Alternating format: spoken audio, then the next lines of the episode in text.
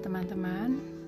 Jumpa lagi dengan saya, Reni dalam dongeng kedua Happiness Project Maret 2021.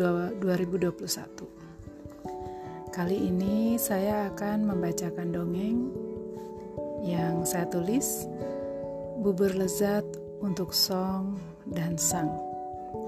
Sebelum saya bacakan dongeng pendek ini, saya mohon doanya untuk kesembuhan ibu saya yang saat ini sedang dirawat di rumah sakit. Semoga beliau sembuh, sembuh yang tiada meninggalkan penyakit lagi. Amin. Nah, dongeng yang akan saya bacakan ini ada dalam buku kumpulan cerita berjudul Jasa Pengiriman Paket Bu Kanguru yang terbit di awal tahun 2000-an. Nah, mari kita dengarkan dongengnya ya. Bubur lezat untuk Song dan Sang ditulis oleh Renia Nihar. Di desa Bukit Lengkung, tinggallah Song bersama ibu dan adiknya, Sang. Ayah Song yang pelaut jarang berada di rumah. Song dan Sang sering melihat lautan dari puncak bukit. Mereka berharap kapal yang merapat di pelabuhan akan membawa ayahnya pulang. Ya, mereka sangat mengharapkan kehadiran sang ayah. Pulanglah ayah, persediaan makanan di rumah sudah hampir habis, bisik Song pada angin. Ia berharap sang angin akan menyampaikan pesan itu pada ayahnya.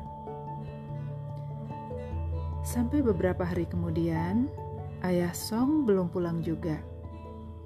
Namun kemudian ibu menerima telegram yang mengabarkan ayah mereka akan terlambat pulang. Kapalnya yang terkena badai dan rusak berat sekarang sedang diperbaiki di pelabuhan yang jauh. Ibu, Song, dan Sang pun jadi sedih. Jangan sedih, Ibu. Untuk menghemat beras, bagaimana kalau kita makan bubur? Hibur Song. Ibu terdiam, tapi kemudian mengangguk dan tersenyum.